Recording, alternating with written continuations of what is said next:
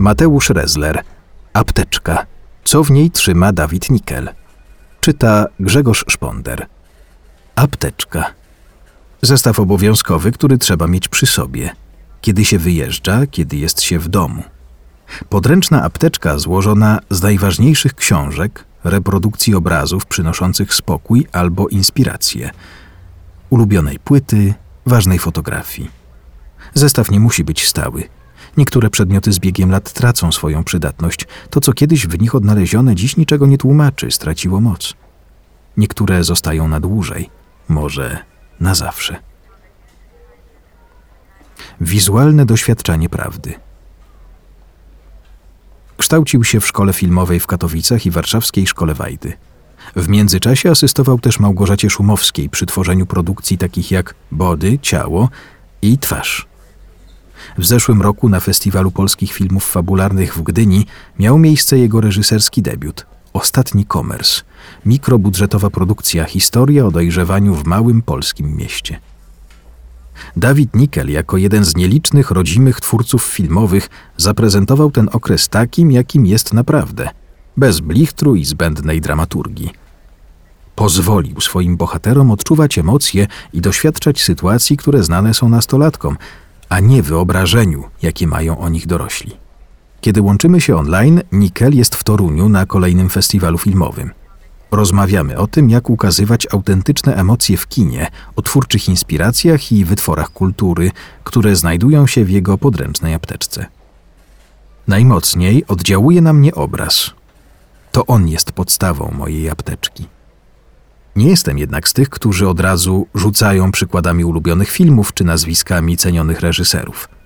W sztukach wizualnych wypatruję bowiem przede wszystkim emocji. Spędzam więc mnóstwo czasu w internecie. Przeglądam zdjęcia i krótkie formy wideo w poszukiwaniu inspiracji. Idealnym narzędziem jest wtedy dla mnie Instagram. Choć niektórzy mogą uznać to za stratę czasu, mnie czynność ciągłego scrollowania uruchamia. W ten sposób znalazłem choćby Michała Sitnickiego, który zagrał jedną z głównych ról w ostatnim komersie. Zobaczyłem w nim autentyzm, który mógł zapewnić postaci, w jaką miał się wcielić. Trudno byłoby mi dostrzec coś podobnego w znanej już z ekranów twarzy. Nikel sięga również po obrazy, które przenoszą go w odległe światy. Zostają z nim na dłużej jednak tylko te, w których może się odnaleźć. Musi uwierzyć w to, co widzi na ekranie. Wychowałem się na produkcjach telewizyjnych takich jak Big Brother. Programy typu reality show wydają mi się nieraz ciekawsze niż niejeden polski film fabularny – w kinie sylwetki bohaterów często opierają się na znanych już archetypach, które następnie przekształca reżyser. My jako widzowie stajemy się więc ofiarą konkretnej artystycznej wizji. Taki Big Brother, czy bardziej współczesny Hotel Paradise pokazują za to rzeczywiste postawy społeczne i kulturowe niuanse, którym możemy się przyglądać z kanapy. Proces takiego podglądania był mi bliski również przy pracy nad ostatnim komersem. Można to dostrzec w ruchu kamery – Moi bohaterowie są w swoim świecie, ja stoję gdzieś z boku i tylko ich obserwuję.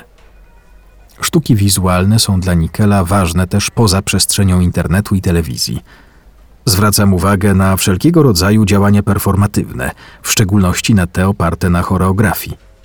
Zanim rozpocząłem przygotowania do filmu, uczestniczyłem w performansie Nim zakwitnie tysiąc róż z Warszawą w tle, Aleksa Baczyńskiego-Jenkinsa, który miał miejsce w przestrzeni fundacji Galerii Foxal.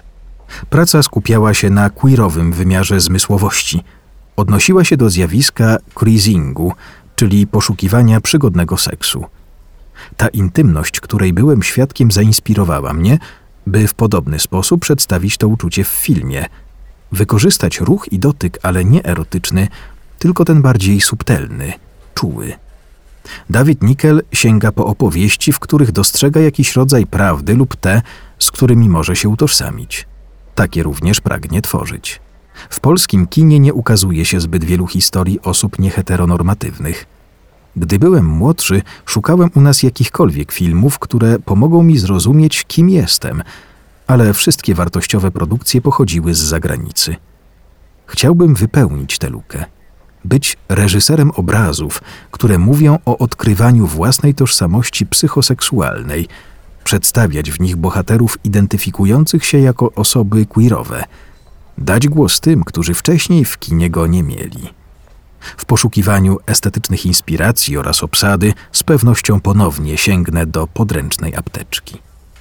Tekst ukazał się w 44. numerze miesięcznika Pismo, magazyn opinii. Czytał Grzegorz Szponder.